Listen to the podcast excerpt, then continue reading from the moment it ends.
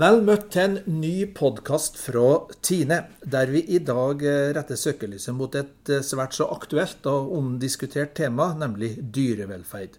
Og spesielt eh, da en dyrevelferdsindikator som, som Tine er i ferd med å lansere. Til å belyse dette viktige temaet så har vi fått to gjester i dag. Det er Gunnar Dalen, veterinær og stipendiat i Tine. Velkommen til deg. Takk, takk. Og så har vi Olav Østerås, veterinær og professor, eh, som også har hatt en viktig rolle i dette. her. Tidligere professor, ja. Tidligere professor. Ja, vi er ikke så nøye på akkurat. Er du professor, så er du professor her. Eh, vi, vi, ser jo det at eh, dyrevelferd som tema har stor oppmerksomhet i samfunnet. Og vi ser at, også, at kanskje debatten har utvikla seg, blitt, blitt mer hardere og, og tilspissa. Eh, og Olav Østerås, eh, dyrevelferd som begrep, det, jo, det, femner jo veldig mye. Hva er det folk flest er opptatt av når det gjelder dyrevelferd? Eh, ja, Dyrevelferd er et veldig vidt begrep. altså Det handler jo om dyras ve og vel i alle, alle forutsetninger. Problemet synes jeg er at når, når en allmenne folk begynner å snakke om dyrevelferd, så har de lett for å menneskeliggjøre dyr. Altså de tillegge de samme behov som vi folk, men det er ikke sikkert det er rett alle gangene. Noen ganger kan det kanskje være rett? Noen ganger kan det være rett, men andre ganger kan det bli helt uh, feil også. Og så opplever jeg sånn at uh, mange legger vekt på bruk av beite, f.eks. at kua er ute på beite. Men god dyrevelferd det går jo egentlig på at kua kan bevege seg fritt og gå ut og beite når hun vil, gå inn når hun vil, uh, søke ly når hun vil. Finne mat når hun vil, finne vann når hun vil, osv. Er det en del objektive kriterier som er definert inn, som må være på plass for at vi kan snakke om god dyrevelferd? Det er ganske vanskelig, men det er gjort veldig mye internasjonal jobbing på dette. Annet så har eh, en organisasjon som heter OE, Verdens eh, dyrehelseorganisasjon, har laga ei et dokument eh, som det er jobba mange år med, som forteller hvilke variabler som man kan bruke for å vurdere dyrevelferd. Og så er jo sånn at Dyrevelferd er jo en vitenskap i seg sjøl. Ganske avansert vitenskap. Og her kommer jo veterinærmedisin inn her. Etologer kommer inn. Det vil si? Etologer er jo de som eh, studerer hvordan dyr reagerer på stimuli oppføre seg osv., hvordan dyr har det. Det er jo en egen vitenskap som er ganske vanskelig. Men blir det da eh, Debatten om dyrevelferd, blir det da en debatt for eliten, og at allmuen skal holde seg bort fra, fra arenaen? Nei, det tror jeg absolutt ikke. fordi at uh, du ser at forbrukerne er jo veldig opptatt av dyrevelferd. Forbrukerne er veldig opptatt av hvordan dyr som har produsert den maten de kjøper i butikken, har hatt det. Og vi ser jo i de avisopplagene som vi har med dårlig dyrevelferd, så kan jo det faktisk ødelegge et marked.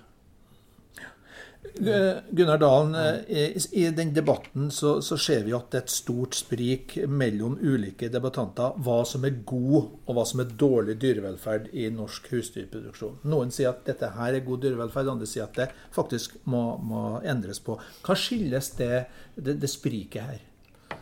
Nei, altså Hvis vi snakker om, eh, om melkeproduksjon, da, som vi kan mest om, så har vi nok hatt veldig fokus på å snakke om hvor god helse de har, dyra. Eh, og det har de. Lavt antibiotikabruk etc. etc. Ja, og lite mm. sykdom og mye bra forebyggende arbeid. Altså der, altså der, har jo norske bønder og, og veterinærer og myndigheter gjort et, et godt arbeid i, i, veldig mange år. Eh, men så er det det at velferd er mer enn en fravær av sykdom. Og jeg tror ikke vi har vært flinke nok til å prate om og vise fram eh, velferden, som vi mener er, er god kan selvfølgelig kan alltid bli bedre, men det er, det er god dyrevelferd. Men det har ikke vi vært flinke nok til å, å presentere for folk.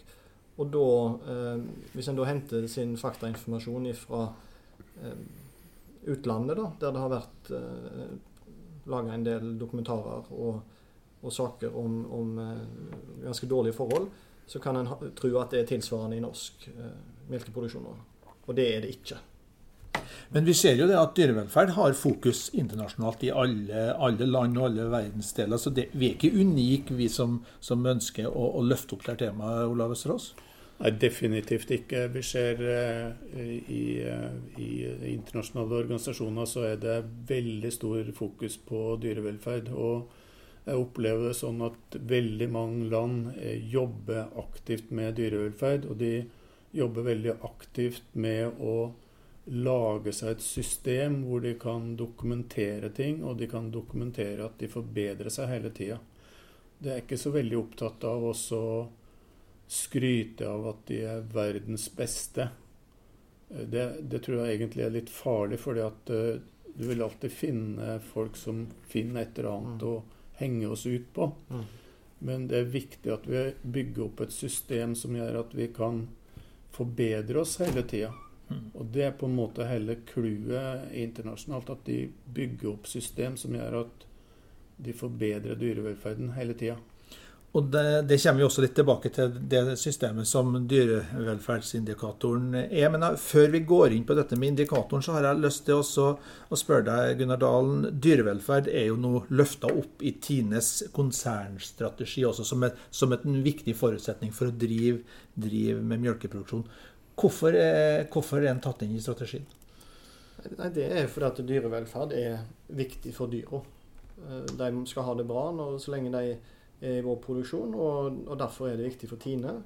Og Tine eh, har jobba med dyrevelferd i mange år, og nå spisser en eh, innsatsen for å, og, som Olav er inne på her, å kunne få litt mer målretta Eh, forbedring. Mm.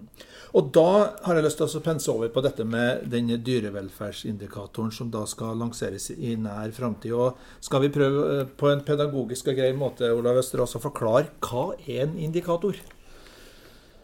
Ja, en, den indikatoren vi har laga, er i første omgang basert på data som vi allerede har i IQ-kontrollen.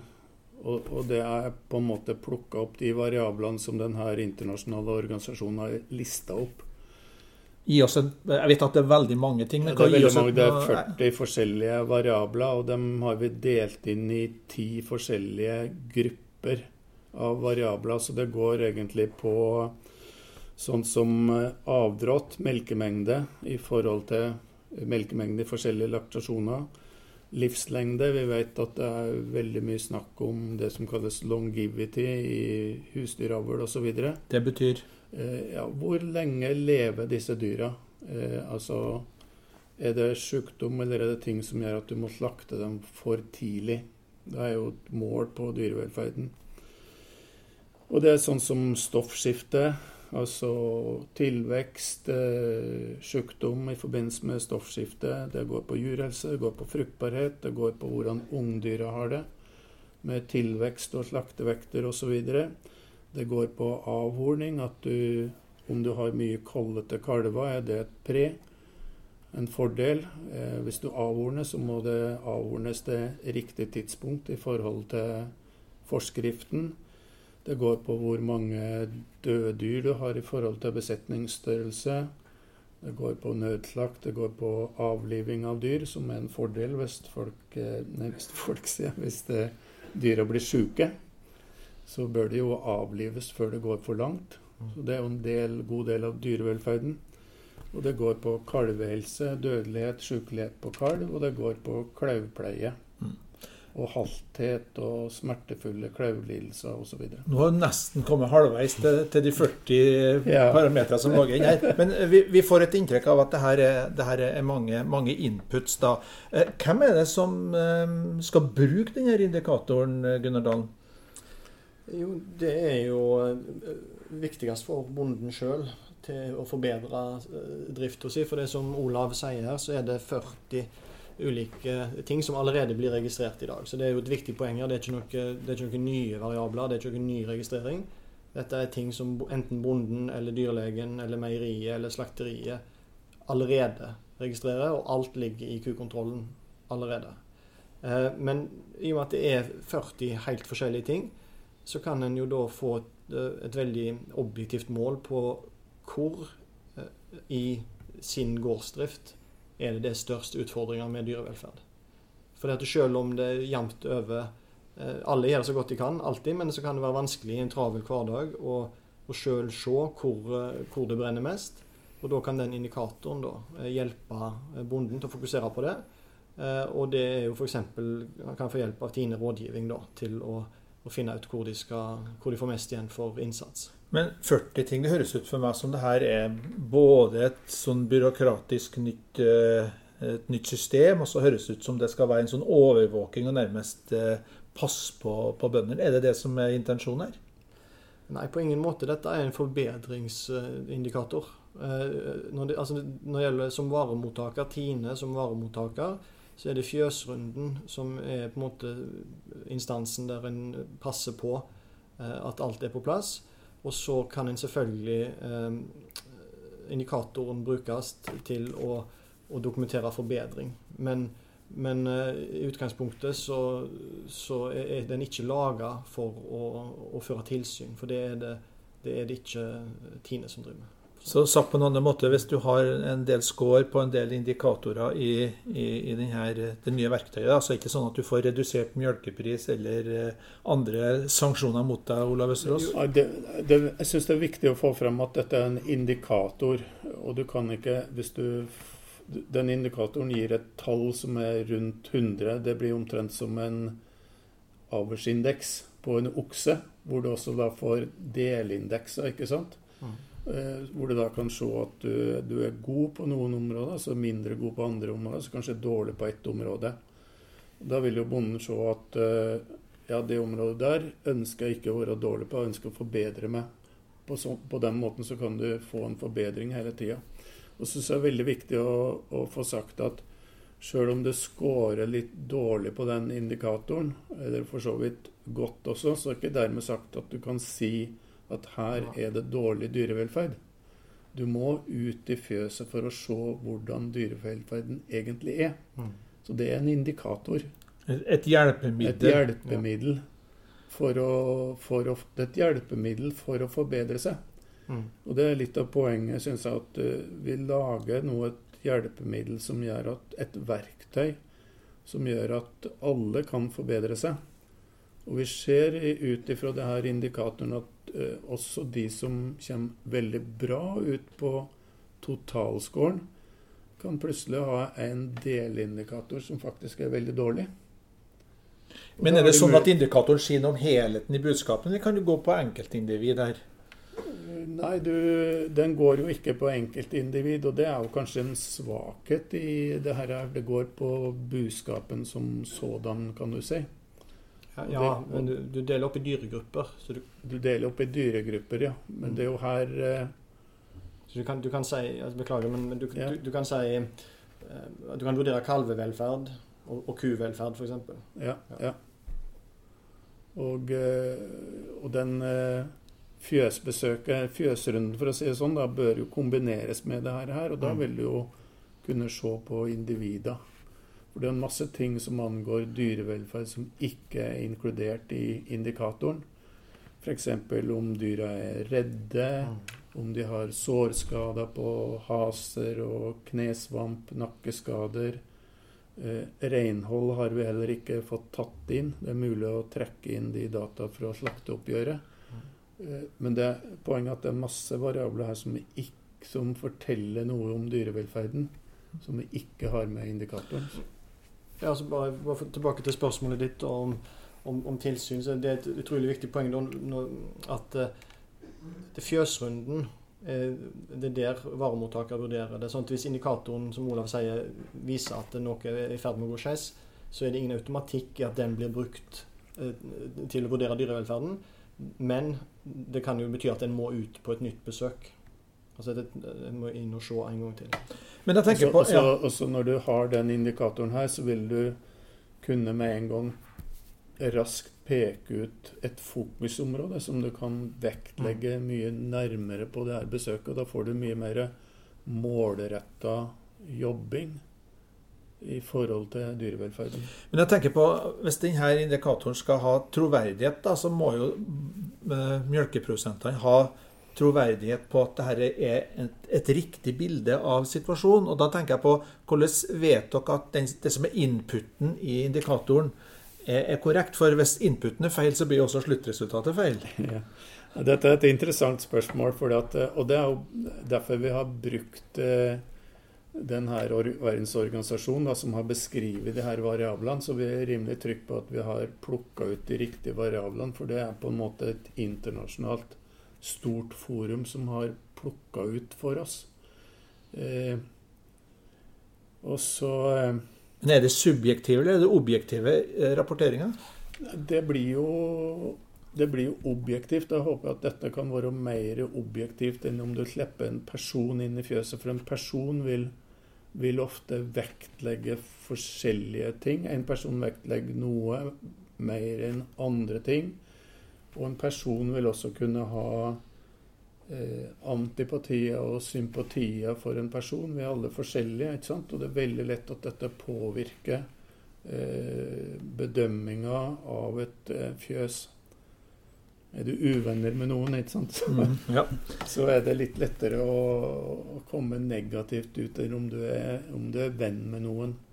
Ja, og så er det jo også sånn at den, altså, det er såpass mange variabler som går inn her og, at de vil vise igjen i statistikken hvis en driver og jukser med innmelding på, på enkelte ting. Og det vil også over tid så vil jo da ikke dyreholdet stemme med, med det, de dyra som faktisk er i, i fjøset. Sånn at, sånn at det er Selv om det er bonden som legger inn en del av informasjonen, og meieriet og slakteriet og veterinæren, så, så vil det være så objektivt som en får det. Et eksempel på det er jo måten vi har laga indikatoren på klauv. For du kan tenke deg at jo mer klauvskjæring du har, jo mer smertefulle lidelser finner du, som inngår i indikatoren. Men du får så mye kreditt for at du har regelmessig klauvpleie, mm. at det vil oppveie den negative vekten av at du identifiserer smertefulle tilstander som du skal gjøre noe med. Eh, så dette forteller jo da at jo, du har en del Du kan ha en del problemer med digital dermatitt og såleknusning f.eks., som er smertefulle tilstander, men i og med at du skjærer kløver ofte, så viser det at du tar vare på dyra. Du, du steller med dem, ikke sant? Mm. Så det er mye bedre enn at du ikke har klauvskjæring i hele tatt, og prøver å gjemme ting. Men et spørsmål eh, angående bruken her. Er det sånn at det her er et et frivillig verktøy som dere tilbyr, eller er det nærmest obligatorisk å, å begynne å bruke det, Gunnar? Nei, altså dette er jo eh, tenkt, tenkt uh, kjørt ut på alle som er med i kukontrollen. Uh, de får en status her, og, får jo da en, en altså denne, Hvis du sammenligner med denne avls, avlsindeksen, da, som Olav sa, så vil den bli plassert på det i forhold til landssnittet i 2015. Eh, og hvis en, klart, hvis en ikke bruker dette her, så vil jo alle de andre få eh, bedre dyrevelferd enn en, en sjøl. Men, men eh, og, og, om Tine velger å stille sterkere krav, det, det vet en ikke. Men, men, sånn som en ser samfunnet utvikle seg, så, så må vi, vi må jobbe med å bedre dyrevelferden. Og alle som vil produsere melk, de må ha, jobbe målretta med det. Hva blir rollen til rådgiverne i denne situasjonen, da, Olav Østerås? Det blir en interessant uh, rolle, syns jeg. For uh, de vil jo da kunne ha tilgang på den indikatoren. Vi, vi vil jo også lett bonden få tilgang på dette, men vi må kvalitetssikre. Vi er nå i det stadiet at vi driver og retter opp programmeringsfeil osv. Uh, men når dette kommer i, i virke, kan du si, så vil jo rådgiverne kunne diskutere den indikatoren med produsenten eh, sjekke ut på fjøset om dette stemmer eller ikke, og så vil de jo finne forbedringsområder. Og Da er det jo rådgiveren sin rolle å hjelpe bonden. Hvordan skal han forbedre dette på en mest mulig rasjonell måte. Så jeg tror dette blir en veldig rasjonell måte å jobbe på, for du kan på en måte gå rett inn på, på eh, de store forbedringsområdene i drifta. Og jeg vil også tro at dette vil forbedre økonomien til mange produsenter ganske vesentlig. Mm. Men en produsent som sitter og hører på denne podkasten nå og lurer på hvordan vil dette påvirke min hverdag, vil dette generere mye mer ekstraarbeid i forhold til, til, dagens situasjon? Eh, Gunnar? Nei, jeg, jeg, jeg, forventer ikke det. fordi at eh, de, de dataene som en bruker, det er data som allerede blir meldt inn i dag. Sånn at selve indikatoren i seg sjøl den, den er, er, grei. Og jeg tror faktisk det kan bli mindre arbeid. For Hvis en har en utfordring med, med dyrevelferd og helse i, i, besetningen under ett, så kan det være en frustrerende situasjon der en setter i gang en masse tiltak og kommer liksom aldri helt i mål. Mens her kan en faktisk få hjelp da, til beslutningsstøtte hva, altså, som Olav sier, hvilket uh, område i, i, min gårdsdrift er det som, uh, som uh, hindrer meg mest. Men spørsmålet er hvordan kan så en dyrevelferdsindikator påvirke den debatten som vi snakka om innledningsvis i, i denne podkasten? Og det å vise til en indikator, vil det kunne være med å nyansere og, og tilføre debatten mer, mer fakta og mindre følelser? Det er jo ikke godt å spå hva som skjer, hva som skjer men, men, planen til Tine er jo å være transparente og åpne med, med dyrevelferd. hva betyr det i praksis? I praksis betyr det å, å publisere uh, årlige rapporter på utvikling i, på dyrevelferdsindikatoren. Der vi rett og slett viser, viser fram status. Um, og, og, det er klart um, Dette er jo det mest objektive med måten vi kan vurdere det løpende på. For det er jo viktig altså En viktig sak her er jo at eh, pga. at det er så mange eh, ulike datakilder, så vil denne indikatoren oppdateres eh, hele tida. Sånn at selv om den har sine feil og mangler, så vil den gi et lite bilde av situasjonen løpende. Mens, mens det årlige fjøsrunden f.eks., den gir jo et veldig godt inntrykk av situasjonen den dagen rådgiveren er på besøk, men ikke resten av året. Så det betyr at hvis uh, melkeprodusenten en kveld setter seg i sofaen og tar fram PC-en eller, uh, eller, mobilen, så kan en gå inn og, og få en, eh, en, status i sanntid. Dette er situasjonen PT. Ikke i sanntid, men, men f.eks. De, de tingene som blir kobla til registrering på meieri, de, de, er jo relativt mm. hyppige. Og sykdomsregistreringer blir jo lagt inn Det er relativt ferskvare, da? Ja, det er relativt ferskvare. Men, men vi er ikke helt på, på real time. Det er vi ikke. Jeg tror det viktige i forhold til samfunnsdebatten, det er faktisk at vi, vi får dokumentert mm. status sånn som den er. Og ser vi at eh, noen ting blir dårligere, ja, så får vi ta oss sammen og så får vi jobbe med det. Mm. Du nevnte samfunnsdebatten, og vi vet jo bl.a. at noe av kritikken mot Tine er jo dette med ku, kalv og adskillelse. Ja. Er det en ting som eh, indikatoren eh, kan hjelpe oss å, å sette lyset på? Det er en interessant problemstilling, for at uh, kukalv går jo litt sånn på emosjonelle verdier, ikke sant. Uh, forholdet mellom kukalv. Og det er jo ikke noe som vi fanger opp i indikatoren. Det vi vil fange opp i indikatoren, er jo uh, sykelighet på kalv, dødelighet på kalv. Er det en svakhet at indikatoren ikke fanger opp kukalv? Du, du nevnte at det var emosjonelt. Nei, dette er en type variabel som du er nødt ute og ut på fjøset for å registrere. Og ikke mulighet for å få det inn i indikatoren. Så den, det vil være en del av fjøsbesøket å, å se på det. Men så er det masse problemstillinger rundt dette med kukalv, som Tine også har satt i gang forskning på. Mm. Noe som heter Smart Care, som vi ikke skal gå nærmere inn på her. Men det går inn på å lage system hvor du da får eh, etablert et eh, godt system for å ha ku og kalv sammen. Fordi at risiko, Veldig mye av risikoen er jo bl.a. Eh, dødelighet, sykelighet, økt smittepress. Eh, må ha kontakt med dyr. Eh, du, må, du, må, sørge for at disse kalvene ikke blir ville, ikke sant? og det krever menneskelig kontakt. Du må også sørge for at eh, de får nok råmelk og får nok, nok melk. Så masse problemstillinger rundt det her.